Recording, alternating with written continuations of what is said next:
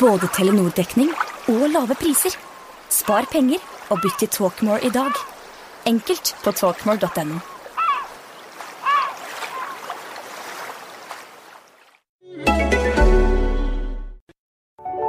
En podcast från Aftonbladet.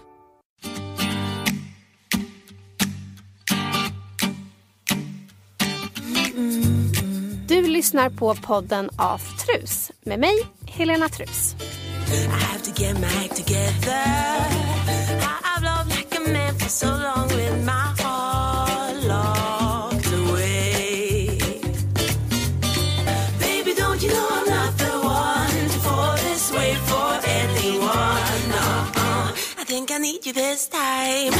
I need you. No, I, baby, don't you Lisbeth gjorde nämligen en, en gratäng igår till mig. Mm. Som jag, en sån här eh, broccoligratäng som jag älskar. Ja. Tänk jag kunde inte äta det. Men. Nej, jag kunde inte äta det. Och det har bara kommit alltså så här. eh, Du vet, jag bad Lisbeth eh, för att hon var inte hemma igår. Ja men då fixade jag en, då grejade jag en eh, din favorit. Tänk jag kunde inte äta det. Nej. Nej, det är fruktansvärt. Smakade det Den när det liksom- går, ja, det slår tar emot. Och du vet, nybakat bröd, det luktar ju så underbart gott. Det finns ingenting som luktar så gott. I. Men det, det, jag- jag kände redan uppe i, sovrummet, en trappa upp, och tänkte, vad är det som, vad är det som luktar? Och det luktar konstigt. Så, hojtade ner till, vad gör du för någonting? Mm. Jag bara bakar bröd. Du klok, det luktar illa. Kommer ner och förstår, ja, det är hemskt alltså. Ja. Sådana konstiga eh, eh, grejer som kommer Ja. till ändå. Men det är ju tack vare alla mediciner och skit. Så att, eh, Gud vad tråkigt. Ja, det är jättejobbigt alltså. Ja. Det är det som är det värsta med... Och det, men det kom, jag har ju ätit cellgifter nu i ett år. Ja. Men jag vet inte, jag tror inte att det är de. Jag har lite andra såna här... Eh, jag, jag fick ju ett sånt där epi, epilepsianfall här för ett år sedan. Och, och eh, där, de tabletterna som man får till det, va, för det är såna kramptabletter, Ja. de är Ja. väldigt starka. Jag märkte redan, jag märkte redan eh, när jag började äta dem där, eh, till att börja med så kände jag att, att Ja, min hörsel. Jag har ju hört illa länge. Jag har haft hörapparater i 20 år. Men jag har inte hört så här dåligt som jag hör nu. Så, alltså, så det har ju påverkat. Eh, och det är väl inte så konstigt. Jag har ju en liten kräfta sittande här uppe som gnager på min hjärna. Vet du hur stor den är? ja, den, alltså den eh, tumören som de, som de eh, opererar bort, den var eh, plommanstor. Ja, så den var ganska stor eh, som satt där uppe. Men den var ju opererbar, Ja. sades det. Så det, ja, efter 14 dagar eh, så, ja det är exakt ett år sedan. Eh, då, så låg jag ju på operationsbordet och det gick alldeles utmärkt. De fick bort, men de får inte bort allting. Sen har man då hållit mig vid liv här nu med, med eh, cellgifter. Eh, som jag har eh, tagit då, lite då och då, eller efter ordination då. Och eh, jag har svarat bra på det hela tiden. Men eh, nu för 14 dagar sedan är det väl när jag, eh, hade jag varit inne och gjort en ny röntgen. Och då, upp, och, och då upptäckte de, ja den gick till och med, den minskade till och med i storlek. Den här, De får ju inte bort allting va. Så det finns alltid någonting kvar antagligen. Men så har den där jäkla skiten börjat att växa igen och då är det inte mycket görat. Utan de kan varken, då fick jag reda på att det går inte att operera mer och det går inte att stråla. Den går inte att stoppa. Den, är, Nej, det går inte att stoppa. Nej, nej, det är bara att vänta på det oundvikliga. Och det är bara två veckor sedan du fick reda på det. Ja, det är väl ungefär 14 dagar sedan som jag fick reda på att, eh, eller då ringde min doktor och sa att på se- senaste röntgen nu så såg det inte så bra ut. Nej. Dessvärre. Och då får man ju rätta sig efter det. Ta en dag i taget. Så det går. Men, Men, vad, vad var din första reaktion när han... För det var ja, telefonsamtal. ja, alltså jag har ju vetat om det här länge. Jag fick ju reda på från allra första början. När Att jag, inte såg ja, bra att jag ut, var liksom. i princip chanslös. Det är ingen som går ut, går, går igenom det här med livet i behåll. Han visste inte någon i alla fall. Och han är väldigt skicklig. Jag har en väldigt eh, fantastiskt bra neurolog Mm. på Karolinska. Som är väldigt eh, trevlig och bra. Men jag bad honom redan från första början när jag kom till honom då efter operationen. Så sa jag, säg som det är.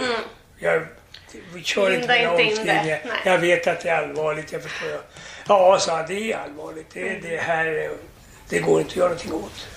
man kan inte göra något annat än se hur du svarar på cellgiftsbehandling och sånt där. För det var det enda man kunde sätta in. Och det har jag svarat väldigt bra på. Alltså jag, du vet att eh, ja, det funkade ända till nu då kan man säga när de upptäckte då att den där rackarna började växa igen. Det, kan, finns det någon förklaring till varför den börjar växa igen? Eller är det bara... Nej. Jag, jag satt här, förstår du, vid ett tillfälle för något år sedan och, och tittade på TV och så hade jag en text-TV för jag såg att det stod eh, någonting om hjärntumörer på texten. Och då stod det där att det är bara män som drabbas utav just den här typen utav... Men det, det är enligt min eh, neurolog, det sa jag till honom då när jag Ja. kom till honom. Vad sa han då? Så vi har en ny, du vet jag för tre och ett halvt år sedan så opererade jag bort prostatan för jag hade den full av cancer. Så jag sa det, typ, cancern måste trivas jäkligt bra i min kropp. Men eh, så jag trodde du hade något samband, att det hade gå- gått upp i skallen. Men det var, nej, finns inget sånt samband ändå alltså. Eh, Det är, bara ren- ovanligt att det kastas metas- metastaser här nerifrån huvudet. Ja, jag vet inte, men ungefär, jag sa då när jag påpekade det här med att jag läste om att jag hade stått om att det bara nästan män. För jag har nämligen en, en, en kvinnlig och vän som har också, som fick det här eh, bara något halvår innan jag fick min. Okej. Och, och, men det, den var utav lindrig art. Det var bara en vanlig cysta. Så att när jag läste det där, men då påpekade jag det för min neurolog. Ja. Nej, sa han, det där, ja det har jag sett också, sa men det stämmer inte. För det var ju den här ansedda eh, The Lancet, vet du, den här, den här eh, medicintidskriften, engelska eller om den är amerikansk, som hade publicerat de här uppgifterna då. Så jag tänkte, nu har vi en uh, gubbar lite ny uh, folksjukdom då på gång. Först har vi prostata, sen har vi det här. Du vet att det är 10 000 män, svenska män, varje år som får prognosen prostatacancer. Ja. Ganska mycket.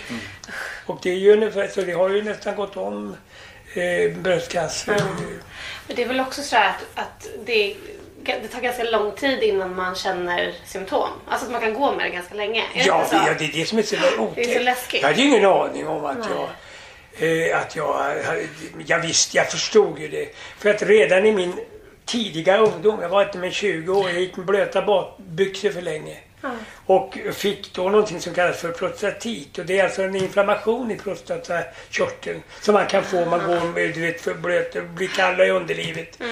I Ett tag så kallas det ju för chaufförssjukan också. För ofta åkare som satt och körde bil vet, och då innan det fanns uppvärmda säten och sånt där så fick de ofta att man... Och det var så att i min ungdom alltså då så, så tog jag inte på mig långkalsongerna i tid på hösten så då åkte jag ofta på en sån där inflammation. Ja. Och det kunde man fick feber ibland och, och så där vidare. Så jag har ju hela tiden varit observant på det. Och alltså, mycket tidigt, alltså redan vid 40-årsåldern så började jag ta de här PSA-proverna. Ja. Som jag ju rekommenderar alla män att göra. För att det, är, det spelar ingen roll hur ung du är. Alltså.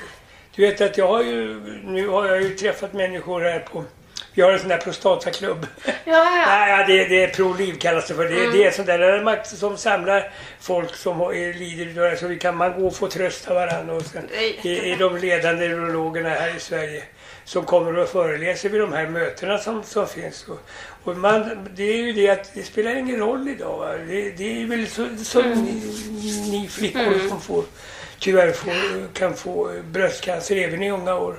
Och det drabbar, så alltså efter, nu säger jag till alla, gå och screena er, Eh, alltså gå och ta prover. Har du fyllt 45 så ska du definitivt regelbundet, för det, du du märker ingenting, du blir inte sjuk. Jag har inte några problem. Eh, Jag hade inte ens några direktförträngningar vid att kasta vatten och sådär. Alltså. Så det, och du vet, man, det kommer bara, det smyger bara på en. Lömskt som fan. Nu, de flesta på nu, I mitt fall så var det det att jag började redan med de här. Jag förstod att, eh, jag pratade väl också med någon neurolog någon gång vid tillfälle, att det här, var- ja håll, håll koll på det. Så. här. Men alla var inte överens om att den här screeningen då, som det kallas, var, var så lämplig, alltså att man behövde ju överhuvudtaget bry sig om det. Du vet, eh, så att, men, men det har ju blivit helt annorlunda idag så att eh, det ska man göra helt enkelt. Och det är så enkelt, det är bara ett litet blodprov. Eh, Så jag menar, det kan du ta när du om du, man blir ju- får vanlig influensa och får sänka som de tar så här. Så, och det här lilla sticket är ju väldigt enkelt och det, du får ju du får ju besked ganska omgående. Ja. Kanske tar en vecka så vet du om, om du har PSA-värdena i höga Mm. på dig. Och, och då vet man ju det och, och, och då, för kommer man i tid så fixar det sig. Jag är fri från min. Ja. Jag hade, jag hade, alltså, jag kom ju i tid. Men den var ju full med cancer. Men du märkte ingenting. Jag kände Du hade inga symptom? Inte ett dugg. Inte det minsta. Jag hade inga, jag hade inga kissproblem eller någonting sånt där. Du vet, det, som man ju kan få. Du kan ju få sån här förstorad prostat, Mm. prostata ut. Det är många. eh, Som då, då, men då får man ju ofta förträngningar. Men i vilket fall som helst, det var ju inte i fråga i mitt fall. Så att det är väldigt lömskt. Så när mina värden plötsligt började stiga, men jag hade ju som sagt var koll på dem hela tiden. Mm. Så jag visste ju att det fanns vissa stegringar och sådär. Men det kom ju väldigt långsamt. Mm. Men du känner ingenting. Det är det som är så jävla... För rätt vad det är, jag har ju haft, jag vet ju folk nu, goda vänner också till och med. Mm. De har ju aldrig brytt sig om det där. Så plötsligt så ligger de där och är döda efter 14 dagar. På grund av att skiten sprider sig. Mm. De märker ingenting förrän det är för sent. Va? Så det är det som är så otäckt med den här prostatacancer. Och likadant med, med Ja, era... men för oss är det ändå, vi blir ju kallade från vi är, vad är det, 21? Ja, ja, ja, ja men Och det, är ju- en väldig skillnad. ju- Men nu har man ju också börjat Precis. uppmärksamma det det Så det här med screening för, för, för prostata. Precis. Det har ju, man har ju upptäckt det nu, alltså, nu äntligen. Mm. För det var lite, de var delade meningar om det var så bra eller inte. Var det nödvändigt? Det var någon sån här amerikansk undersökning som gjorde koll på gamla gubbar som, hade, som dog som efter 80 år. 65 procent utav dem hade, hade prostatacancer allihop. Fast de hade Fast de aldrig... visste inte nej, de om det. dog inte utav det. Utan de, de gjorde någon, det var någon sån där amerikansk undersökning som gjordes för några år sedan. Mm. Där de då började dissekera eller gå in och tog, kolla alla gamla lik. Mm. Och det var alltså var- varje man, alltså de, var man över 80 år då, så hade alltså 65 procent tror jag var, så hade prostatacancer fast de hade inte, det var ingenting bara som de hade lidit utav eller inte ens dog utav. När du har blivit frisk från en cancersort Ja. och så får man liksom en ny. Det måste vara... Ja visst, ja det är ju, ja, det är ju väldigt frustrerande. Ja. Alltså. Det är jäkligt jobbigt. Alltså. Jag, jag hade ju ingen tanke på, det första jag frågade har du något samband? Har, Mm. har det du vet, kastat upp metastaser i skallen? Nej, nej, nej. Finns det, och det har både min neurolog och urolog eh, då berättat för mig att så är det inte. Det, det, det finns ingen samman... Utan det där har andra förutsättningar att göra. Så att det är egentligen bara en jäkla otur. Ja, det är bara, Alltså, ja, det är bara det. Men du vet, varenda människa idag, det är, men det, ingen går fri. Nej, det är det som ingen är- går fri. Du kan aldrig vara säker. Det är det som är så otäckt med, Mm. med just med cancer. Alltså. I den form, och det har ju blivit mer och mer vanligt Mm. hela tiden. Det, det, det, det, alltså var och varannan människa Mm. drabbas ju i någon form. Men, men från precis som du berättade, du fick det här epileptiska anfallet för ungefär ett år sedan och sen fick Ja. du diagnosen. Hur liksom det här året som har gått, hur har det varit? Har du liksom försämrats? Nej, jag tycker hur? inte det. Jag, du förstår att alltså jag, jag har hela mitt liv varit fri från huvudvärk. Ja. Jag har aldrig haft ont i huvudet. Jag brukar till och med skryta. Jag har inte, jag har inte ens haft ont i huvudet dagen efter. Och, och sen dagen före nyårsafton för ett år, alltså förra skiftet. Då, då sitter jag här framför TVn där du sitter nu. Ja. Och satt och tittade på det och sen efteråt så jag fick jag jävla ont i nacken. Så, här. så jag tänkte, men jag har suttit tokigt va. Jag fick ont i huvudet. Och det där satt i över helgen. Så då säger Lisbeth, ja men gå ner till, eh, våran, till centralen ner och kolla vad det är för någonting. Och då konstaterade den här läkaren där att jag hade bältros. Va? I huvudet? Nej men, då, nej, men herregud, så, du bältros, det hade jag en gång när jag var 17 år. Och då satt det ju här, det var som ett bälte här. Men det var ju också en förvarning till det här. För bara alltså, det här var ju då dagen före nyårsafton och den 13 mars förra året så fick jag ju det epileptiska anfall. Ja. Eh, Och det kom ju så här, jag hade ingen tanke. Fan, jag var inbokad på jobb hela förra året. Jag Exakt, skulle ni göra skulle ett- ut på turné. jag skulle ut på turné, Ja. tre, tre inbokade turnéer. En ganska stor med Riksteatern uppe i övre Norrland. Vi var inbokade på 16 gig på 10 dagar. Så då, gubbarna var ju ganska pigga. Så Eh, bara Så att att, eh, jag, jag hade ju ingen tanke på att jag, jag var inte sjuk. eller Jag hade inte haft något. Och dessutom så hade jag då ganska nyligen också, bara något halvår tidigare, fått, när jag var tillbaka till Mm. min urolog och sa ja, Bosse nu avskriver vi din cancer. För du har ingen cancer längre. Inte där nu. Nej, De, precis. värdena var så pass så det hade gått då ett par år Mm. och värdena var så låga så att eh, den hade lyckats då. Så vi var ju inbokade på jobb hela förra året. Ja. Men eh, det sprack. Äntligen. Ja. Så att eh, jag var ju eh, ganska vital ända till jag fyllde 80 kan man säga. Mm. Men, men så kom den här skiten då. Och att få det var ju en Mm. epileptiskt anfall var ju ingen höjdare. Man visste inte vad det var. Du förstår, jag kom ut till min fru här med hela ansiktet drog ihop sig. Mm. Mm. Du vet, kramper eller ryckningar i ansiktet. och Dregla och svamla. Hon höll på att få slag, hon höll på att laga middag. Och, och jag kommer in till henne och ser ut sådär. Men hon hade ju sinnesnärvaro nog att ringa efter ambulans och kom. Så sex timmar senare så vaknade jag upp på Södersjukhuset. Och, och, och då hade man gjort en sån här magnetröntgen och då konstaterat den här plommastora, eh, eh, vad heter det, vad fan säger jag? Tumören. Alltså, ja, det satt i min hjärna. Ja, så att det var ju inte så kul. Min, minns du den, den stunden på sjukhuset när läkaren kom in och berättade det här? Ja, det här, klockan var halv sex här på kvällen när Visby ringde efter ambulansen. Klockan halv tolv så vaknade jag upp på sjukhuset och då står då, när jag vaknar upp, då, vet jag, då är jag ju inte medveten om vad jag är, men jag ser ju när jag vaknar upp att jag är i sjukhusmiljö, för det var ju du vet. Och så står mina tre döttrar och min fru vid sängändan så här och tittar på mig. Och- då är första, min första tanke, jaha, det är så dags. Du vet, de står och tittar på, ja visst, vad står de runt min säng för? Men när jag slog upp mina himmelsblå då, då sprack de ju upp i leenden. Haha, du vet. Men du trodde först att... Ja, ja, ja, ja, då trodde jag att, vad fan, det, jag vet när det stod folk jag visste att det hade hänt Ja. Eller, jag, jag, jag vet ju att jag vaknade upp och såg att det var, jag var inte riktigt, ja, jag var medvetslös i sex timmar så att jag har ingen aning om vad som hände på det viset. Men när jag ser de där fyra stående vid min säng, gavel där på sjukhuset, då börjar jag ju fundera på, jaha. Jag vet att det först att det, jaha, det är så dags. Varför står de där alla? Men som sagt var, när jag öppnade ögonen då tyckte de att det var kul. Men då berättade de ju det här för mig. Och det var ju inte så kul att höra. Vad då hjärntumör? Du vet. Du bara, jag är frisk. Ja, jag var ju fan, det här har inte jag tid med.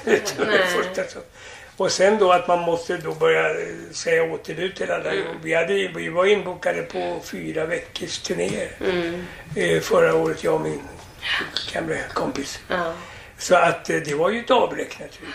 Enormt alltså. Inte bara det att man då tycker det var kul att åka runt, även om det är, jobbigt. Men är man åt, över 80 år så ska man naturligtvis sluta jobba. Men, men, Men du har ju haft den energin. Nej, jag har ju inte haft några, du vet, jag, jag har ju mått bra. Jag har inte haft något sånt där. Och när, när jag visste att jag var med min prostatacancer, att inte den i alla fall skulle blåsa upp igen. Så fanns inga indikationer på det. Då blev man ju ännu piggare. Så Ja, man får väl lite nytt liv också när man blir friskförklarad. Att nu jäklar. Ja nu visst, ska ja, visst, ja men då, är man ju, då blir man ju istället... Jag hade ju ingen tanke på att jag skulle bli så sjuk så att jag skulle behöva ställa in de här jobben. Jag tycker det är kul. Vi, Mm. vi, visserligen är det långa resor och sånt där vi gjorde. Eh, sån här, jag gjorde en sån där Riksteatern-turné för tre år sedan. Är det väl nu som Lasse och jag var uppe, uppe också i övre Norrland. Eh, och då gjorde, vi körde ju 350 mil vet du, då på 14 dagar. Vi hann inte med ändå att göra alla de som ville att vi skulle komma. Jag har ju åkt runt på äldreboenden alltså, senaste åren. Runt, jag har avverkat över tusen sådana. Så man har ju sett sådana här gamla gubbar som jag som sitter och sover i en stol framför en.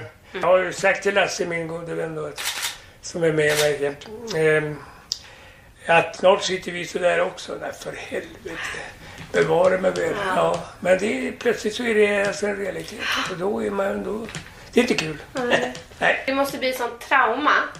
Ja, det blir ett- trauma, ja. ett- Hur, hur, liksom... Alla hanterar det olika. Hur Alltså skulle jag, att du jag, jag, hanterar det, jag, kan inte säga, jag ska inte säga att jag inte bryr mig, det är klart jag gör. Mm. Men man har ju sina stunder då man, men jag har släppt det här alltså. Jag vet ju att jag ska dö och det ska jag göra. Jag, jag, jag menar, jag är 81 år fyllde jag i februari. här. Så att jag hade inte räknat med att jag skulle bli så gammal även om jag var aldrig så frisk. Det, jag menar, jag har inga gener att gå på. Min mamma blev 81 år faktiskt. Okej. Ja. Men, och pappa blev ju bara 77 eller 76 när han gick bort. Så att jag har ju inte något sånt där om man nu ska prata om gener och sånt där. Men, men eh, för det finns väl kanske någonting som ligger i det också. Men det var ju inte frågan om att man blir så gammal som jag är. Då är det ju då är det ju kört ändå tycker man. Nej, det behöver det inte vara. Men det behöver egentligen inte vara kört. Nej. Nej. Nej. Nej, alltså det, det, det, jag har ju fått det där med mig gör ingenting. Men det, jag kan sitta och dö nu när vi sitter och snackar här. Men är det så? Det, det, Ja, det, Det är liksom- ja i princip är- Mm. är det ju så. För de kan inte säga, jag frågade min läkare nu då senast jag var där för 14 dagar sedan. Och nu ska jag göra en ny röntgen här någon gång i maj vad det är. Eh, och så vidare. Och, och så vidare. Så jag går ju hela tiden under koll. Va? Och nu tar jag bara en sån här dos med cellgifter var sjätte vecka. Så jag fick en nu, sen ska jag inte göra någonting förrän i, i mitten på maj. Tror jag. Ja, det var sjätte vecka. Förut kunde jag ta de här cellgifterna hemma men nu måste jag åka till sjukhuset och ta dem för det är väl lite starkare grejer antagligen. Okej. Så de vill ha kontroll på mig när de ger mig det där. det Men jag har inte reagerat något speciellt. Jag, inte, jag blir trött. Mm. Jag blir väldigt trött. Jag kan sätta mig här i stolen och är jag ensam då och sitter och läser tidningen så kan jag somna. Ja. Alltså. Det är pang. Och sen har jag väldigt bra sömnmedel där. Det, mediet har jag jobbat på själv i 35 år. Ja, precis. Så fort du sätter på TV. Så. Bra så. Ja, det är bra. Men, men har läkaren gett någon form av, pra- liksom, om, om ni pratar veckor eller månader? Nej, eller? jag, nej jag, frå, jag, jag, jag sa ju till min läkare sist, jag vet att du inte kan svara på det. För det, re- den första gången då, då så, jaha, hur mycket har jag kvar? Ja, det kan jag inte svara på. Nej. på så det vet man aldrig. Det, det, vi vet att det här inte går att bota. Men det kan ju hända att du, om du svarar bra på de här proverna nu och, och sådär så, så eh, kan du leva länge på det. Nu senast jag var hos honom, är 14 dagar sedan nu, efter den här röntgen då, så när han sa och upptäckte att den, ja det gick inte att göra något mer. Nu är det bara att vänta. Jaha, så jag, då är det bara att vänta på amelien då, så jag. Så att, ja, i princip så är det det. Då, då sa jag, har du någon statistik på? Ja, sa du, jag har en, jag har en patient, han är mycket yngre än du egentligen. Men honom har jag hållit liv nu i, vad sa han, tio år. Ja, så det behöver du inte hålla liv med. Då kommer jag i alla fall inte ut av den här cancern. Om. Nej, men du vet. Ja. Ja. men skämt åsido så är det ju klart att... Ja. Men jag talar inte... Jag, jag talar med en klackspark. Eller jag försöker, vad fan då? Dö ska, det är det enda vi är säkra på att vi ska göra, förr eller senare. Men jag är inte rädd för det alltså. Jag har ingen som Nej, helst... precis. Hur ser, hur ser du på döden? Förlåt? Hur ser du på döden? Är det, Ja, det ja, ja, det är klart att... Nej, men jag, jag försöker att hålla masken. Mm. Det, det är ju enda kär, vadå? Så det går inte att gå och gräva... Även om man får sina stunder. Men Lisbeth är ju också illa Mm. ansatt. Hon har ju myelom. Och det är Mm. en ställe nu. är- Ja, det blev ju riksbekant nu genom han fotbollsspelaren. Precis. eh, Claes Innesson. Mm. Hon har ju samma symptom. Men hon har ju också, henne har de ju hållit liv i åtta år nu. Och Lisbeths värden är per, hon var nu, hon ska, hon ska tillbaka till sin läkare nu eh, på, eh, på mm. valborgsmässoafton faktiskt. I Huddinge till, till en hematolog. Hans, hennes, och han är också väldigt duktig. Men, men eh, och hennes prover, hon var, fick prover nu och det var, de är jättebra. De, de håller sig på en, en, en helt schysst nivå. Men, eh, men som jag sa, vi satt oss häromkvällen på, på sängkanten och tittade på varandra. Fan, vi är som två San Quentin-fångar. Vi sitter och väntar på döden. Ja. Vi kan inte annat än skratta. Vi, vi, vi kommer världens garv alltså. Ja. Börjar skratta åt varandra. Du vet. Ja men det är ju så. Ja. Nu, börjar man ju, nu börjar man ju förstå hur de här killarna och tjejerna som sitter och, i de här fängelserna på San Quentin Mm. till exempel. Som har blivit dödsdömda och sitter flera år och väntar på när de ska bli avrättade. Så det är ungefär samma sak. Va? Men hur är den tillvaron då? För det är ju... Ja, det går inte att bry sig om. Det går inte, det går inte att gräva ner. Skulle man gå och tänka på det hela tiden, det går inte. Så länge, jag känner mig ju okej. Ja. Tycker jag. Du Ändå. har inte ont? Nej, jag har Nej. inte haft ont ett dugg. Inte no, egentligen inte någonting förstår du, har jag haft någon känsla i skallen. Nej. Det borde man ju ha tycker man. Men jag har inte haft ont i huvudet någon gång. Och det är det som är konstigt alltså. Så att, eh, eh, nej, det, det, det... Och jag tar med min lilla whisky varje kväll. Ja, just det. Det är din... eh, Det är mitt bästa recept. Ja. Jag sa det till min doktor. Ja, du får förbjuda mig vad fan du vill, så, men inte den där lilla whiskyn. Då tycker jag du ska fortsätta med det. Så, Ja. ja. eh, och så, nej, nu är det skämt åsido. Så, jo, det är klart. Jo, jag, jag, jag tycker det är gott att ta en whisky. Det har jag alltid gjort. Men, och han sa det, ja, fortsätt med det. Alltså, jag, jag tycker jag mår bra utav det. Så vadå? Eh, alla andra gifter så ska väl klara det också. Ja, men exakt. Ja. Men, för du nämnde trötthet som en, en grej du känner. Men det, känner du några andra symptom? Nej, jag har inga som helst. Nej. Jag blir trött. Ja. Det är egentligen det enda. Jag blir trött. Blir o, o, du vet, lite sådär onaturligt trött Ja. ibland. Eh, Så att eh, nu när jag satt och väntade på er här jag, eh, mig, jag la mig på min säng där uppe. Bara ett tag. Och det hade inte Lisbeth kommit och hojtat till och sagt Nu är det dags. jag var på gång och var på gång och så, men jag behöver bara lägga mig ner lite. Ja. Eh, Så eh, nu har Lisbeth och jag, vi har varit fram och tillbaka till stan idag. Mm. Så att, eh, men, men eh, nej. Jag har, på det viset så, så märker jag ju ingenting. Så får man bara vara så här då. är det- Men som sagt var, det är ju den där lilla ovissheten. Att det man kan inte hända. vet att- Jag sa hur stor, jag frågade senast också hur, hur stor, för den här armen är död. Okej. Ja, den är lam. alltså. Ja. Den- ja, Du kan inte greppa Jag kan, nej, saker. Nej. Det är inte mycket i alla fall. Utan den, jag kan ju inte knäppa skjortan själv och så här. Va? Utan det får ju Lisbeth. Det Man är ju som en bebis egentligen. Ja, Man det. går tillbaka till barndom som man brukar heta. Och det ligger ju nog mycket i det. Alltså, att man, man blir ju eh, hjälplös. Alltså. Men vi, eh, i alla fall så, så just den här med att man då blir lite eh, trött. Det är egentligen den enda symptom jag har. Hittills, ja. Det, men, men vad som ska... Jo, jag frågade honom hur stor är risk för blödning? Hjärnblödning alltså. Eller jag en vanlig stroke. Ja, den finns ju naturligtvis där också, han. Men, men, men eh, när man äter de här gifterna som man gör och den här, den här eh, epilepsimedicinen, då, krampmedicinen, så begränsar ju det också eh, den här, alltså blödningsrisken antar jag att det är på det viset i alla fall. Så, men som sagt det kan ju också inträffa. Så att, eh, jag, jag vet inte, men, men, men man går ju och väntar. Så, Men, men, men just den där ovissheten att inte veta vad som väntar. Och det vet ju ingen egentligen. Nej. Men du har ju ändå ja, man, liksom ja, man slags... vet, ja, i mitt fall så vet jag ju vad som väntar. Ja, du Men, vet... men förr eller senare, men men det, ja, nej, det vet inte du heller. Nej. Så Men- det, jag menar, vadå?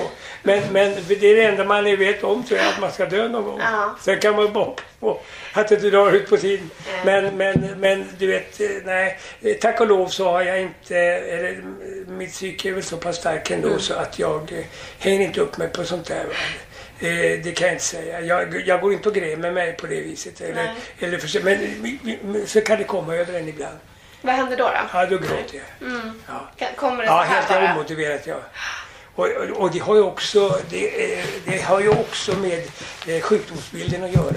Att man är väldigt gråtmild. Eh, Det kan jag bli när du och jag sitter och pratar här. Eh, Så, så, så, och sen ofta så där man drar upp gamla minnen och det är egentligen det värsta med när kompisarna kommer och så där, och man börjar dra upp vet du, sånt där, då kan det komma Ja. över en. Så där, Nostalgiskt, lite, liksom. och det blir lite penibelt det också. Va? Så att, eh, men, men eh, ja, det där får man ta. Men det, det tillhör också sjukdomsbilden. Ja, Eh, okej. Till att börja med, när jag, då för ett år sedan när det här inträffade efter operationen, då fick jag sådana där gråtattacker lite då och då. Omotiverat, alltså inte, det behövde inte ut, utlösa någonting. Men det, det är, det är lite, det är alltså tillhör, jag visste ju det för att vi har ju som sagt var turnerat runt, jag och min trogne vapendragare Mm. sedan över 60 år tillbaka, Lasse Olsson här som var min kapell, kapellmästare på Mm. Vi har ju åkt runt i Sveriges land. Från Ystad i söder till Kiruna i norr. Och korsat den i alla riktningar. Och sen då de senaste 25 åren så har vi ju då företrädesvis varit på äldreboenden. Ja. Så man har ju sett de här farbror som sitter i rullstolen längst fram och man börjar sjunga låtar för dem som de kommer ihåg från sin ungdom. Ja, då forsar ju tårar. ja. De, de börjar gråta. Och det har man ju sett. Och det har jag ju påpekat och Lasse och jag, ja så där kommer vi att bli också antagligen någon gång. Och det, och det är väldigt vanligt att, det, att, det, att just sådana som får hjärnskador, att man blir gråtmild. Så det, blir man lätt alltså. Hur länge kan det pågå? Kan du sitta länge? Nej, nej, då, nej, nej det, går, det går över snabbt. Jag märker ju alltså att det... Men det, är väl, men det kommer väl minne tillbaka utan något slag. Vet du, det behövs inte så mycket. Va? Nej. Det behövs inte. Och barnbarnen kommer. Ja. Det är nästan det värsta. Eller värsta. Det är, Det är det bästa, det, är det bästa som kan hända. Men, Ja. Mm. men det är just det där man, man blir påminn om. Fan, jag får inte se honom Nej. växa upp. Nej. Ja, fast jag så gärna skulle vilja. Vi, vi, min yngsta dotter nedkom ju med tre pojkar här på raskt. Den äldsta är fyra år. De andra två föddes för ett år sedan. Det är två pojkar. Tvillingar. Och de där, då är det ju världens rövare. Så de, eh, och, men jag menar, de kommer jag ju inte att få uppleva deras tioårsdag till exempel. Det vet jag ju att jag inte får. Men då, då kan man ju bli lite betänksam. Sådär, då känner, då kommer det där över en alltså. Att det är, men, eh, men det får man inte, det får man försöka slå bort. Helt enkelt. Men finns det någonting du är rädd för i det här förloppet? Till, Ja. Alltså, till exempel att hamna på ett ålderdomshem och inte... Ja, alltså det är man ju, jä- det är ju Ja. man ju väldigt skraj för. Men det har ju mina både hustru och mina barn sagt att vi kommer aldrig att sätta det på ett ålderdomshem. Du vet, jag var ett tag efter operationen så hamnade jag ju på ett sånt här eh, rehabiliteringshem här Ja. utanför vid Sköndal. Det, vet, det var ju inte kul. Nej. Då grät jag. Det var för jävligt alltså. Och, och du vet, det var ju också... Men det var ju inte bara gamla människor, det var ju unga människor Ja. som satt där för rehabilitering. Men det var ju, men man kände, jag kände ju igen miljön. Mm. Jag har ju varit där på det stället en gång för 20 år sedan och, och, och underhållit de där människorna som satt där då. Ja. Så jag, tänk, tänk, jag sa det till en kompis när han var där och besökte mig. Nu sitter vi här, sitter jag här. Vi får Ja. komma ihåg att vi var i den här lokalen för 20 år sedan. Ja visst, det gjorde han ju naturligtvis. Ja, är det du som ska underhålla mig nu då? du vet, och sådär alltså. Du vet, att det blir sån där Ja. konstigt. Och det, det var lite ovanligt. Ja, där, där vill då, då kände man ju att man var i den där miljön. Eh, Alltså att man satt i dödens väntrum så Ja. Precis. Den här, så att det är man ju tacksam för om man slipper det. För det skulle jag inte vilja göra. Det, det är just den där, jag hamnat några gånger på sjukhus och sådär nu. Jag har haft ett par återfall i sån här epilepsi och då får jag lov att sticka iväg. Men, men eh, det har inte varit mycket. Det hände mig en gång i somras men då, jag låg inne, för, jag, vi har ju ett hus på Gotland. Så jag var ju där hela förra sommaren. Jag var där över sju veckor Lisbeth och jag förra sommaren. Och det var jag ju väldigt tacksam för. Men då kunde, då, då, jag, jag fick ett litet lätt epilepsi i alla fall. Då låg jag inne två dygn eh, på, på Visby lasarett. Men de var ju lika gulliga där och tog emot en med öppna armar och fixade det. Jag låg inne två. Men just den där känslan att man sitter vet du, med eller går omkring med sin rullator där. Då blir man... Men, hela man miljön bara påminner om, om att man är sjuk. Ja, det blir man ju på. Ja, visst, man blir ju det. Va? Och, och så, den där miljön är ju inte särskilt uppluftande heller. va. Det, är ju, det blir ju väldigt... Ja, du vet själv om du har besökt någon eh, god vän som bara ligger inne på sjukhuset. så Man, det, är inte, det, är ju ingen, det är ju ingen eh, miljö som man vill hamna i själv då, tycker Nej. man inte mycket, mångt och mycket. Och Lisbeth var ju väldigt sjuk för två år sedan. Hela sommaren 2012 tillbringade vi på, på eh, eh, vad heter det, på eh, Huddinge sjukhus. Ja. Men på den tiden kunde jag ju köra, då körde jag ju henne varenda dag. Till exempel så låg hon ju, vi var inne i, vad var det, tre veckor i rad som jag åkte in varje dag med henne till Radiumhemmet. Den sommaren alltså, eller det, 2012 då. Som, så då, men då kunde jag, nu får jag inte köra bil längre. Nej, jag är Jag har ingen körkort längre. Nej. Nej, det tar de ju direkt. Ja, det får man inte. Nej, jag skulle inte ens komma på tanken att köra bil. Jag skulle bara flytta våran bil här. Eh, Hej! Hej! Lisbeth. Hej! Helena. Hej, det är vi som har pratat vid. Precis. Nej, Vill du joina oss lite här? Nu ska han bara prata sjukdomar här. Ja, ja. Så fort två svenskar möts i min ålder så pratar man sjukdomar. Vad är det med dig? Lever du eller? Ja, pers i natt. Asså, var det inget bra? Nej men vi var och tittade på en lägenhet igår Jaha. och så låg jag och tänkte på den hela natten. Så har vi varit och tittat tillsammans idag men nu har jag ringt och sagt att vi ska inte ha den. Okej. Ja, vi var inne och tittade på en lägenhet i stan. Det var därför vi ville dra in mig också. Vi har ju våra barn i stan så det är lite... Ja, de har legat på oss hela tiden här. Jag kan ju inte bo så här. Det är så mycket med de här. Det är en hel gård. Ja. Så rätt vad det är så är jag tvungen att pajar någonting sådär, då ska man laga det och. Ja, det är en ständig stress. Ja, det, nej, det är jättejobbigt. det-. Jag har en sån där, eh, du vet, bara vattenbrunn här som man går ner i. Det kan jag eh, klättra ner på en stege på den. Det gör man ju inte med samma Nej. bravur idag som man gjorde förr. Jag har gjort det någon gång här nu i, i vinter. Alltså faktiskt var jag tvungen att gå ner för att vi hade inget vatten plötsligt. Och då är det ju sådana där grejer som man förut inte har brytt sig Ja, det har man ju Mm. fixat men sånt där är betungande. Va? Då längtar man härifrån. Ja. Så att jag har ju sagt att jag vill komma. Lisbeth vill ju inte flytta härifrån. Alltså, Hon, vill, hon, hon har ju hindrat oss från det. Jag skulle helst vilja ha en lägenhet i stan. Ja. Men ska ni, ska ni fortsätta kika eller är det, känner ni? Ja, alltså det, ungarna ligger ju på också. Va? De vill att vi ska komma till stan. Ja, men det är ju det. Alltså, man kan ju bli helt Hemnet eh, knäpp. Men vad fan det kostar. En sån här liten lägenhet nu. Den, ja, den är inte så liten var den ju inte. Men det är fem mille vet du drygt.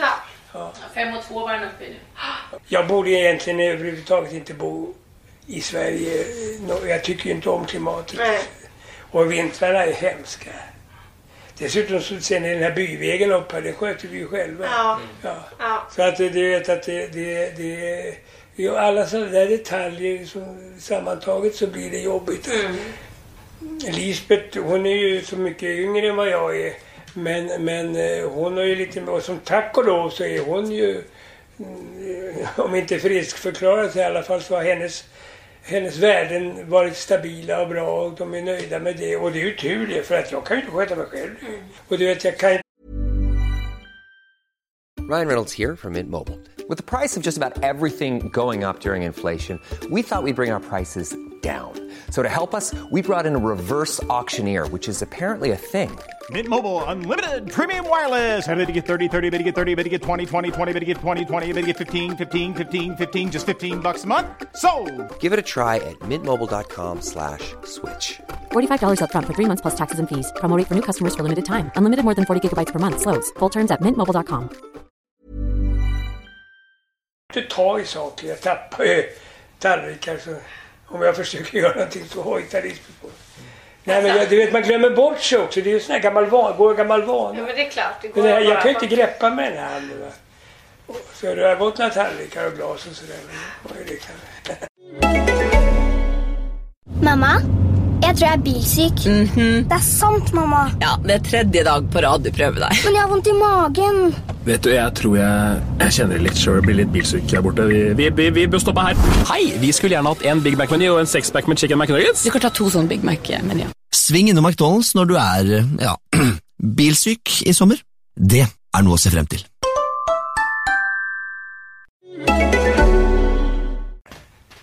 Ja Lisbeth, jag, jag, du vågar väl inte lämna mig? Du vågar väl inte lämna mig hur som helst tror jag? Jag lämnade det igår ju. Ja, du gjorde ju det. kom jag hem och... mm, hon ser jättehungrig. Hon är utsvulten. Ja, just det. Ja, ja. Nej, nej. Nej. Jo men det vet jag, sånt där har jag ju aldrig haft. Jag har ju kunnat laga mat till alla. Jag har ju aldrig haft några sådana problem.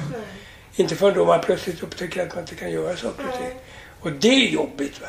Det är väldigt frustrerande. Men det tillhör ju det. Och hur är det för dig då att få ja, men vara den som står upp och ser till att, det- att det rullar? Men Du- ibland vill jag ju bara härifrån och liksom åka in till stan och träffa någon. Bara för att inte hålla på och diska och laga mat hela tiden. Så att, eh, men får jag sticka iväg bara någon dag sådär så, är jag, så här, kan jag vara hemma? Tycker jag är skönt att vara hemma. Ja. Den där lilla micken Lisbeth, vad gjorde du av min mygga? Den ligger här på bordet tror jag. En liten mikrofon precis som du har om du eh, råkar hamna i, i, i, i eh, svalstolen på TV eller soffan. Så får du en sån där liten mygga på dig oftast. Jag vet inte om den är laddad nu. Va? Jag vet inte om den Ja, den, den, eh, den indikerar att den är på. Då så. Det kan du ha. Ah, då är okej. Ja. Du får inte gå iväg med Nej, den där journalisten som var, Nej. som var här förut. Han, eh, han stack iväg med den där myggan. Vänta, eh, höj upp den lite får vi se. Sådär. Ja, bra. Är det bättre? Ja, ja, det är mycket Ja. bättre. Ja. Och den här streamern som det heter, den, den, eh, den är ganska Ja. bra. Ja, du kan höja och sänka och liksom fixa. Ja, jag kan fixa lite med det så här va. Ja, dessutom så har jag, jag kan få in eh, genom det här tv-ljudet också.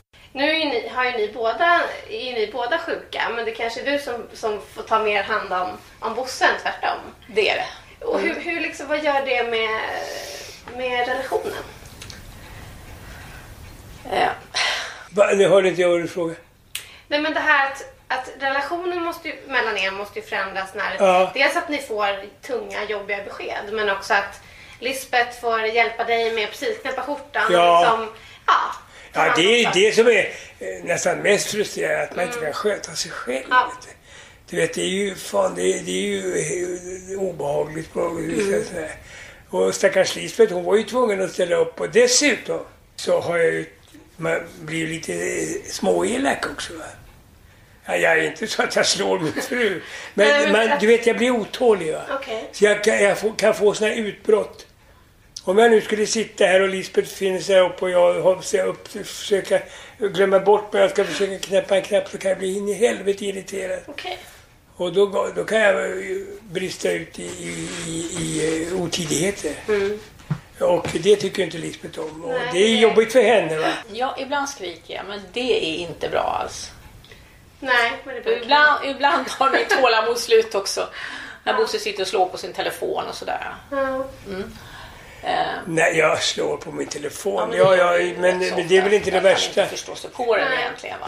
Men, Nej, jag blir otålig. Vet du. Jag blir Jag fruktansvärt... Då han blir han det. gjort Och det också? tillhör också min sjukdomsbild. Ja, Jag kan inte göra någonting Då åt blir det. jag arg. Ja.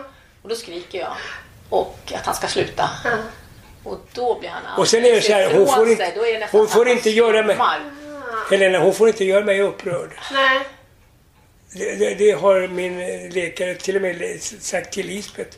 Eh, så att eh, det, jag får inte bli upprörd. Vad, vad, vad händer då? Ja, det, det kan ju hända saker här uppe farligt som alltså? utlöser vissa... Eh, så förmodar jag att det är så. Men som jag sa till dig, jag har aldrig, jag har ju aldrig lidit utav huvudvärk hittills i alla fall. har jag inte haft någon som helst känning till det. Men är tydligt, jag märker ju det när jag blir irriterad Mm. och jag blir upphetsad att eh, då kan jag... Då kan det bli... bli Du får en blackout nästan. Va? Du får ju nästan Jag kan få en blackout, ja. Det har hänt några gånger att jag inte vet vad det är. När jag skrek Alltså i bilen att, ja, det kan ju komma. Det här med att här, ramlar ihop och man tror att han har dött nästan. Och, sen så då ledde jag in dig och la honom på soffan att han skulle vila Mm. en stund. Då. Och sen efteråt så kommer jag inte ihåg någonting vad som hade hänt. Ingen aning. Nej, det sitter inte i. Men jag vet inte vad som har hänt. Jag får en sorts Det har hänt några gånger sådana Ja. saker. Men det jag Men, men blir det...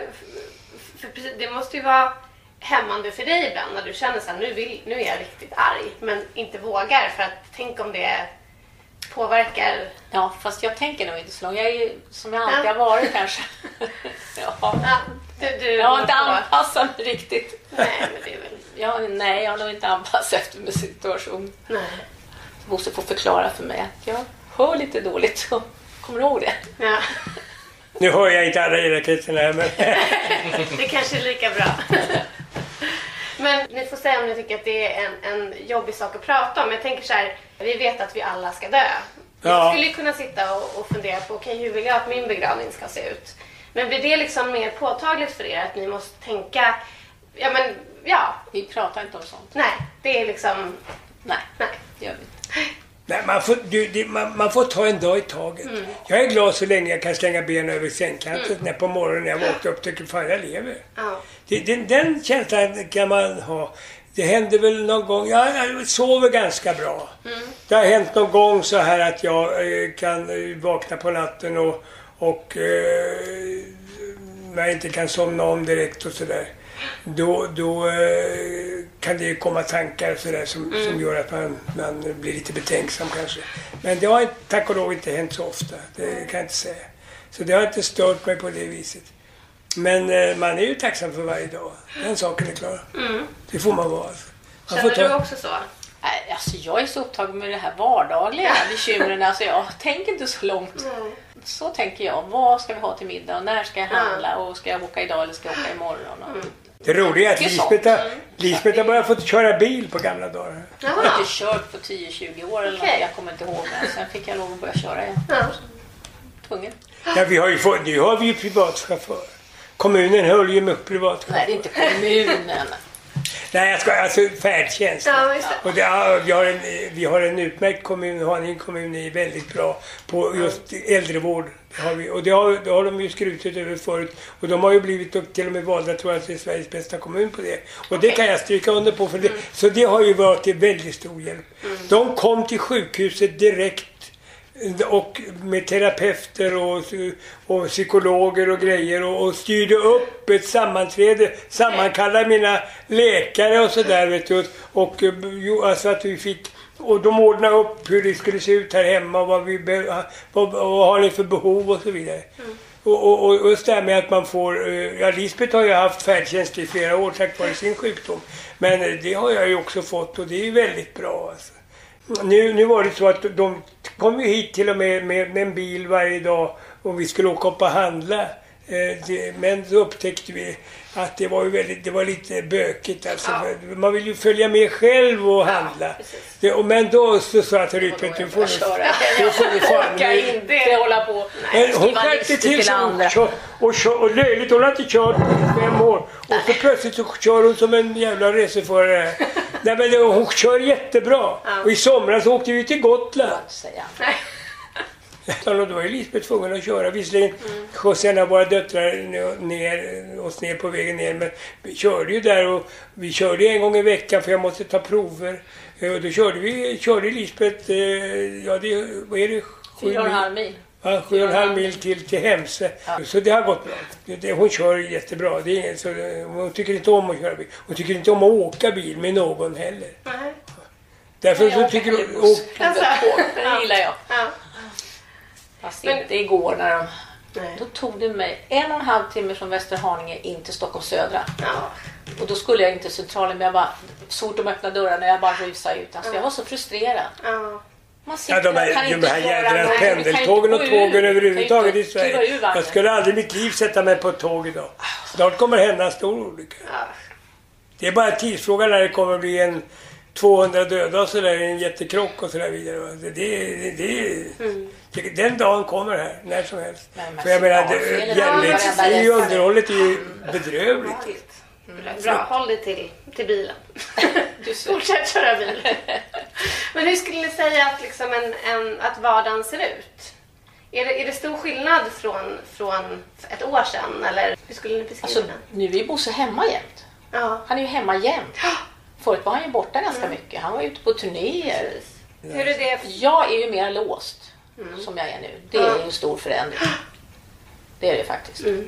Jag kan sticka iväg men knappast över ett dygn. Utan jag är ju ja, borta över dagen kan jag ju vara. Om man har mat hemma. Om man kommer ihåg att värma. Ja, på den det kan man ju säga på den tiden min karriär satte igång på allvar. Då fick ju Lisbeth ta allt ansvar. Hon var ju ensam med jäntorna som var små då. Och jag var ju runt i Sveriges land och, och jag var ju aldrig hemma. Så att där hade hon ju ett jätteansvar. Jag vet inte... eh, I, ja, nu har, nu har ni fått mig. Precis nu.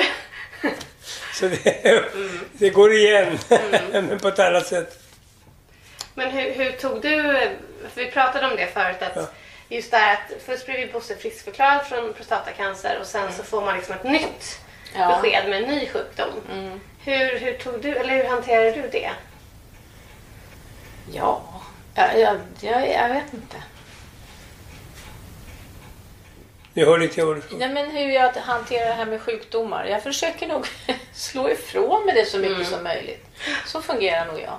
Ja, Under tiden Lisbeth var sådär sjuk, det var jag som var ängslig, inte hon. Nej, du har hela tiden... Fast Ja, Lisbeth det var väldigt sjuk Det den sommaren. Det går över, tror jag. Ja, men, ja, jag, jag, Ja, och som, som Bosse berättade så har ju läkaren lyckats hålla din cancer i schack väldigt länge. jag gick ju igenom sån här stamcellstransplantation och ja, ju cellgifter. inga Alltså, jag haft, grejer, nej, det var ju en sommar där. Så tog det ju rätt lång tid innan man återhämtade sig Mm. faktiskt. På konditionsmässigt och allting. Alltså, det var, Mm. jag var rätt mager ett tag och inga Ja. hår på huvudet och sådär. Så att, Nej. det är klart, det var en riktig pers. Mm. Men och hur, hur, hur känner du dig idag? Hur, hur är... Ja, men jag tycker att jag mår bra idag. Mm. Jag tycker att jag mår bra. Det enda mitt problem är med höften då, att jag har en protes. Mm. Men, eh, och den gör lite ont och så när man, framförallt om jag bär. Men jag kan ta mig fram utan Ja. cykel. Men det går bra, jag tycker det går jättebra. Ja. Men du måste in också till Ja, jag sjukhus. åker en, varje månad åker jag in och tar prover. Men- mm. Det här är ju en sjukdom som återkommer en vacker Ja. dag, så gör den ju det. Och då frågade jag doktorn vad jag skulle göra då och då. Så han, han får göra om det igen. Hela Hela procedur med proceduren. stamcell och... Eller, Eller, de har mina stamceller nedfrysta. Okej. Så att jag behöver inte ta ur stamceller Nej. för de finns där. Va? Men Okej. hela proceduren. Man höll ju på ett halvår innan också med cellgifter och kortison. Ja. 30 kortisontabletter om dagen i, flera månader. Alltså. Det var förskräckligt. Så det är inget kul. Mm. Så jag är bara glad så länge det håller sig borta. men du behöver inte ta några mediciner nu, eller? Nej, Nej. när jag får det här Pamidronat som det heter som är skelettförstärkande som Okej. jag får som dropp en gång i månaden. Okej, så det är det som är... Ja, det är enda behandlingen. Finns det, en, liksom, finns det en rädsla att bli, bli ensam? Alltså finns det en sån här, tänker ni mycket på ja, att ni kommer sitta här Eftersom ensam? Bosse pratar så mycket om döden hela tiden. Ja. det är inte så mycket kvar säger han, Ja. på hela tiden. Så tänker jag att jag en vacker dag blir ensam. Ja. Så tänker jag. Jag hör inte vad du säger. Vilket Men kan bli precis tvärtom. Ja. Hur, hur tänker du Bosse? Jag, om jag dör klarar hon sig mycket bättre än tvärtom. Mm. Nej, jag skulle tro att det gick ungefär som min mor och far. Ja, tror att det Min mamma dog hände? väldigt överraskande sådär kan man säga. Mm. Utan att egentligen ha varit sjuk. Men, eh, och pappa han dog av brustet hjärta en månad senare. Mm. Precis. eh, Han fick en hjärtinfarkt dagen efter mammas begravning och sådär. Pratar ni mycket med, för ni är ju tre, tre döttrar. Ja. Och, och som, som barn, de är ju, måste ju vara jätteoroliga för er och vad som ska hända. Nej men de är så upptagna. Jaså? Ja, de har inte tid. Va? Nej. Susanna, vår äldsta dotter som har det huset, hon har ju öppnat restaurang på Östermalmstorg. Jaha. Ja, visst. Det är nya innekrogen i stan. Sannas. Ja, men är det er Ja det är det. De- Hon är, Susanna har alltid varit duktig på mat. Men det har hon efter sin mor. Ja. Ja, hon- Sus- mamma, eller Lisbeth har nog lärt eh, flickorna med mat. De är duktiga med mat. Du vet, man, hon ringer och på tio sekunder så lägger hon på luren. Jaha, okej. Hon, De har inte tid att prata några längre stunder. hon ska. Men de är ju väldigt måna om oss. Just det här som vi var inne på att, att ni, ni, ni, ni planerar inte, tänker inte på begravning och sånt. Är det så att man liksom, är det ett sätt att också hantera sjukdom? Ja, man kan säga att man är som en struts som gräver huvudet i sanden. Ja. Förträngning. Förträng, ja. Förträngning Ja. är nog vad jag sysslar det? med Ja. och har gjort i alla tider. För där är man... reagerar annorlunda men jag kan nog Okej. säga att jag tränger bort det. Ja. Ja, jag försöker väl också förtränga det i största bästa möjliga mån. Jag har ju ingen eh, religiös tro eller sådär. Så att, och förmodligen kommer jag ur den här jorden. Så jag sa, när jag dör nu så bränna upp mig för fan och strö ut mig på åkern här. Jag kommer väl antagligen, pappa är ju född och uppvuxen här. Ja. Så jag kommer väl från den här jorden antagligen. Jag tycker det är så meningslöst att gräva upp en grav egentligen. Så då ska man springa till den där graven och, och hålla på att sätta blommor. Vad är det för mening med det? Jag tänkte på de gamla vikingarna. De satt de i sina skepp och så satt de eld på skeppet och så sköt de ut i havet och lät dem brinna upp. Vi Det var ju skepp. ganska sunda. Nej. Va? Vi har ingen skepp. Nej, nej, du vet jag har, ingen, jag har ingen religiös tro eller någonting sånt där. Så att de får inte hålla på och lägga mig i kyrkan. Och, och jag har gjort upp med en kompis nere i, som är kommunalråd nere i Nynäshamn. Att han eh, kommer att se till att den här lilla akten som ska ske. Okej. Alltså de inte pratar om några gudar och Jesusar och allt vad det heter för någonting. För det tror jag inte ett dugg på. Alltså, det tycker jag är bara nys. Du som gillar musik. Ja. Är det viktigt vad det ska spelas för musik? Ja, det blir väl en gammal hambo eller någonting sånt där. Tjoflöjt ska det vara hela tiden. Jag har sagt till min, eh, en av mina svärsöner att Ja. alltså, Bo- Bosse, vi kommer att prata om det här. Och då sa jag, ja det måste bli en jävla party alltså. Och mycket whisky. Eh, Och ingen eh, så här eh, sörjakt och sådär. Vad fan då? Det blir lite makabert det där. Så. Men som sagt var, jag, jag lämnar det här fritt till mina efterlevande. Finns det någonting du ångrar? Va? Finns det någonting du ångrar? Jag ångrar vissa saker som jag inte tog chansen att göra. Som Mm. Jag fick nämligen rätt... Såna där... Såna där eh, Vad kan det eh, Ge ett, ge va? ett exempel. Det är väl egentligen bagateller i, stort, i stora drag. Jag vet inte, Lisbeth och jag pratade väl om det här. Gjorde vi inte det någon gång? Att jag sa varför jag ångrar att jag inte gjorde det och det. När jag fick den och den chansen. Ja, när du inte köpte fler tröjor i Buenos Va? Aires. När du inte köpte fler tröjor i Buenos Vad Aires. säger du? När du inte köpte fler tröjor i Buenos Aires.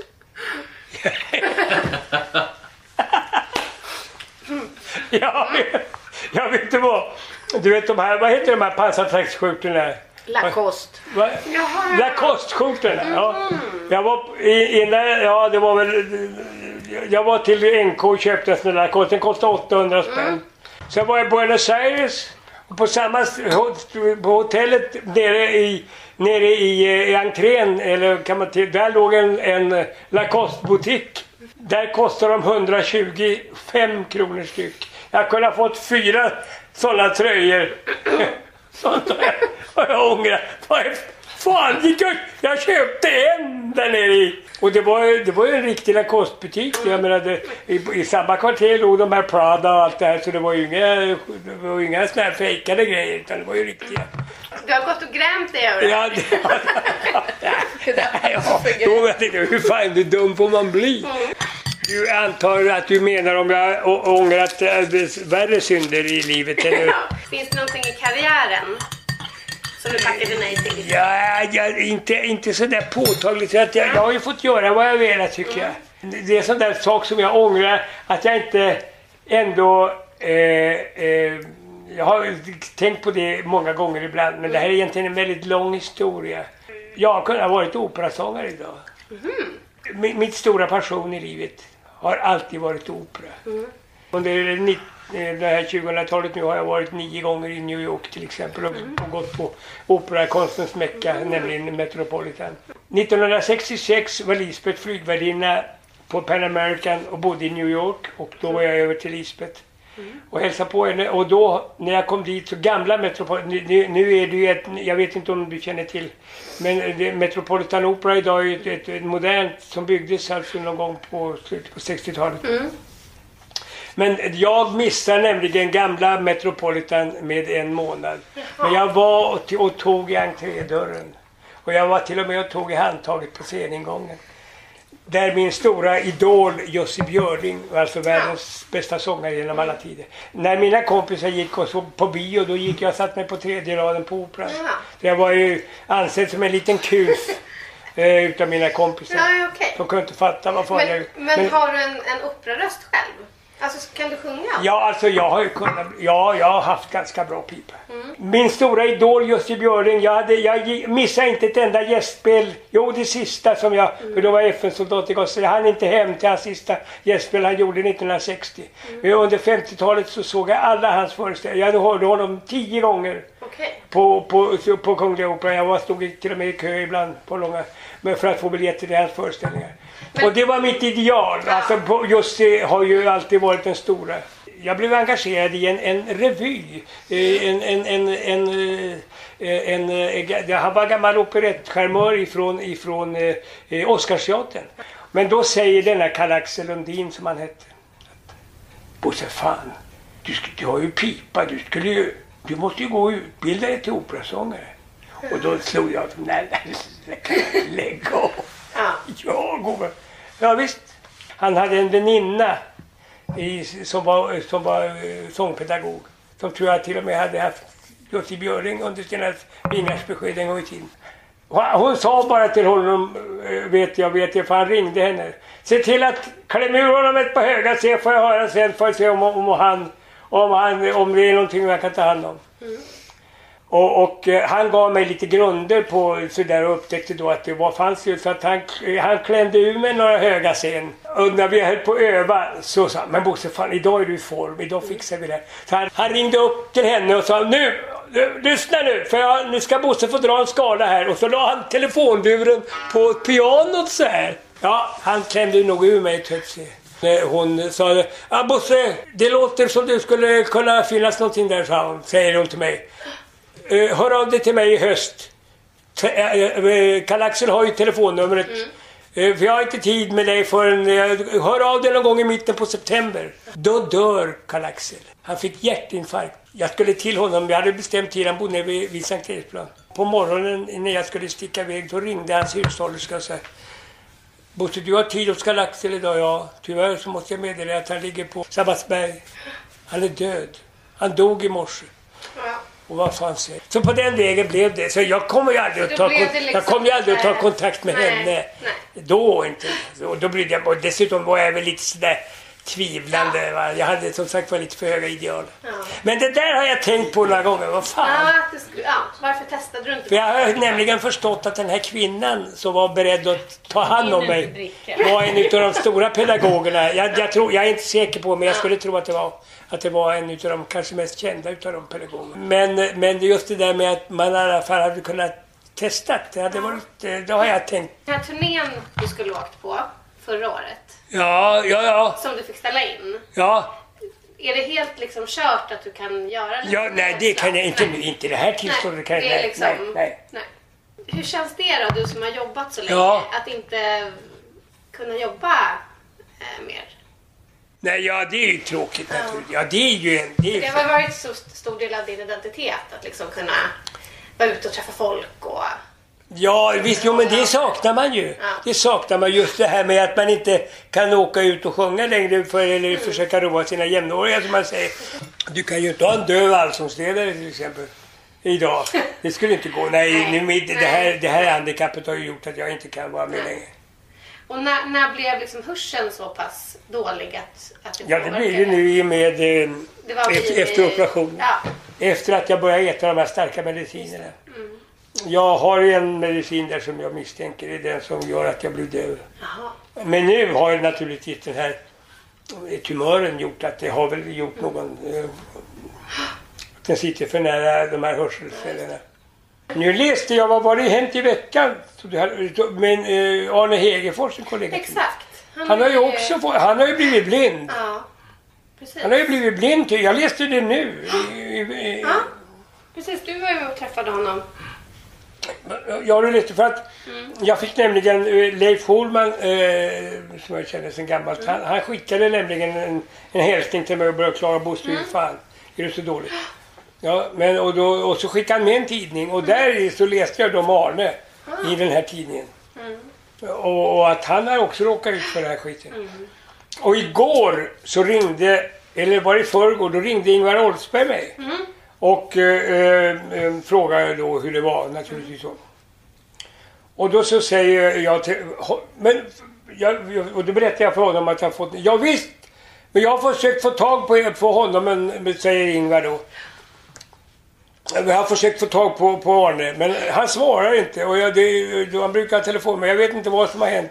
Han- Ja, vad som har hänt stod det ju i tidningen där, men han, han hade haft, men han hade inte fått tag på, igår, eller om det var i förrgår som han ringde, så hade han fortfarande inte fått tag på, på, på Arne. Jaha, så han var Så, ja, nej, så han har inte fått några detaljer alltså så här. Och jag hade väl också tänkt nästan ringa upp till Arne Hegerfors här. För jag känner ju honom också, eh, men, även om vi inte har umgått så förfärligt mycket så har vi ju i alla fall varit kollegor kan man säga i många år. Men eh, i alla fall så att, så att det, det är tydligen en farsot det här. Du och Lisbeth är ju väldigt bra på att kunna skämta om... Ja, det får man ju lov att göra. Ja. Jo, som jag sa då häromkvällen när vi satt på sängkanten och garvade åt varandra. Mm. Men snart är det, nu är det ju vår och snart sommar. Är det liksom, planerar ni mycket för, precis ni tittar på lägenhet och kanske ska flytta och det, det är ändå som att ni planerar ju ändå mycket för, för vad som komma skall så att säga. Först ska vi åka till Gotland. Ja. 7 maj till den 19. Ja, vi ska åka, vi ska, ja, om allt går som det ska. Ska vi åka till Gotland nu en, en sväng på ett par veckor. Eh, I maj, ja. Sen hoppas jag ju att eh, vi får komma dit i sommar också. Om vi inte har sålt det. Mm. Om vi inte har sålt. Precis, ni kanske blir stadsbor. Om vi inte har, vad säger Sålt. har sålt. Så, ja just det. Ja, vi planerar på att man kan ju inte behålla, skulle börja sälja den här gården också. Men um, kan vi på visning titta. Ja. Kanske blir någonting. Mm. Kul. Alltså du vet att jag... Det är en sak jag ångrar också. Att jag inte sålde den här gården för 15 år sedan. Ja, okej. Jag fick nämligen ett förfärligt fett anbud Aha. som jag Okej. sa nej till. Ja. Kan man säga. Vad, är det värderat till då? Ja, 15 mille. Ja. Och, men det var, var det för 15 år sedan? Eller Ja, nu? 15 år sedan. Ja. Det är väl också en sån där sak som man börjar... Nu har du pratat om ångra saker. Ja. Så är det frågan om man, om man vet idag, men det var, det var inte aktuellt Nej men då. precis. Det är Nej, jag hade så. inte, det hade inte, men nu när man blir sjuk och så här och ska man få någon glädje av stålarna så, det är ju nästan för sent nu. Mm. Jag menar, du säljer ju inte den här gården på, det tar ju tid att sälja. Absolut. Mm. Jag menar, det gör du inte på en vecka eller en månad, inte, kanske inte på ett år. Så det är en sån där sak som får komma i framtiden. För det gäller ju att få in de här stålarna va, också. Men jag tänker på de här hästarna som vi åkt förbi. Äger, äger ni några hästar? Eller är det... Nej, nej, vi har inga hästar. Nej, vi har haft, eh, vi har haft eh, en eh, uthyrt här ett tag. Okej. Ja. Ja. Vi hade hästar ett tag här också. Jag var sådär månskensbonde. Ja. Jag har haft både hästar och kor, grisar, får, höns. Ja. Får hade vi 11 år så vi drev i egen regi. Ja. Och höns, hönsgård med egna ägg och grisar som vi slaktade en gång om året. Ja. Ja, ja för fan. Och kor till och med. Födde upp ett par, eh, ett par eh, Herefordskor som vi slaktade. Och, och eh, sen hade vi får i 11 år. Jag hade till och med världsrekordet i lammet av Ja, det var den här tidningen Land ute och gjorde reportage. Jag hade en tacka som fick sju lamm hade den ena tackan och den andra hade fem. Så det var två tackor som var så enorma. Ja, det, ja nog tidningen ligger kvar någonstans. Det är kul grejer. Ja. Bra att Va? Bra att ha i sitt CV. Ja. Du har lyssnat på podden Aftrus med mig, Helena Trus. Och ni lyssnare är ju såklart superviktiga. Hör av er med frågor, kommentarer, antingen på Twitter eller Instagram. Där heter jag aftrus. Ni får också gärna mejla mig på helena.trus.aftonbladet.se. Den som klipper podcastavsnitten är Andreas Hansson. Men vill ni skylla något på någon så är ansvarig utgivare Jan Helin. Ett extra stort tack till Antonia Vai som har skrivit vinjettlåten Macho Woman. Hej då!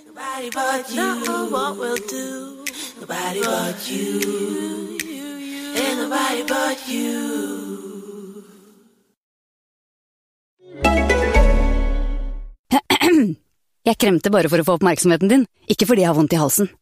Hade jag hatt det, ville jeg gått inn på koronasjekk.no for å finne ut om jeg burde teste meg eller ikke. Mange lever nå en tilnærmet normal hverdag. For at dette skal fortsette, er det avgjørende at folk med symptomer på korona tester seg, og at andre möjliga smittede testes og isoleres. På den måten kan vi ta ned enkeltutbrudd i stedet for å stenge ned samfunnet. Hilsen Helsedirektoratet og FHI.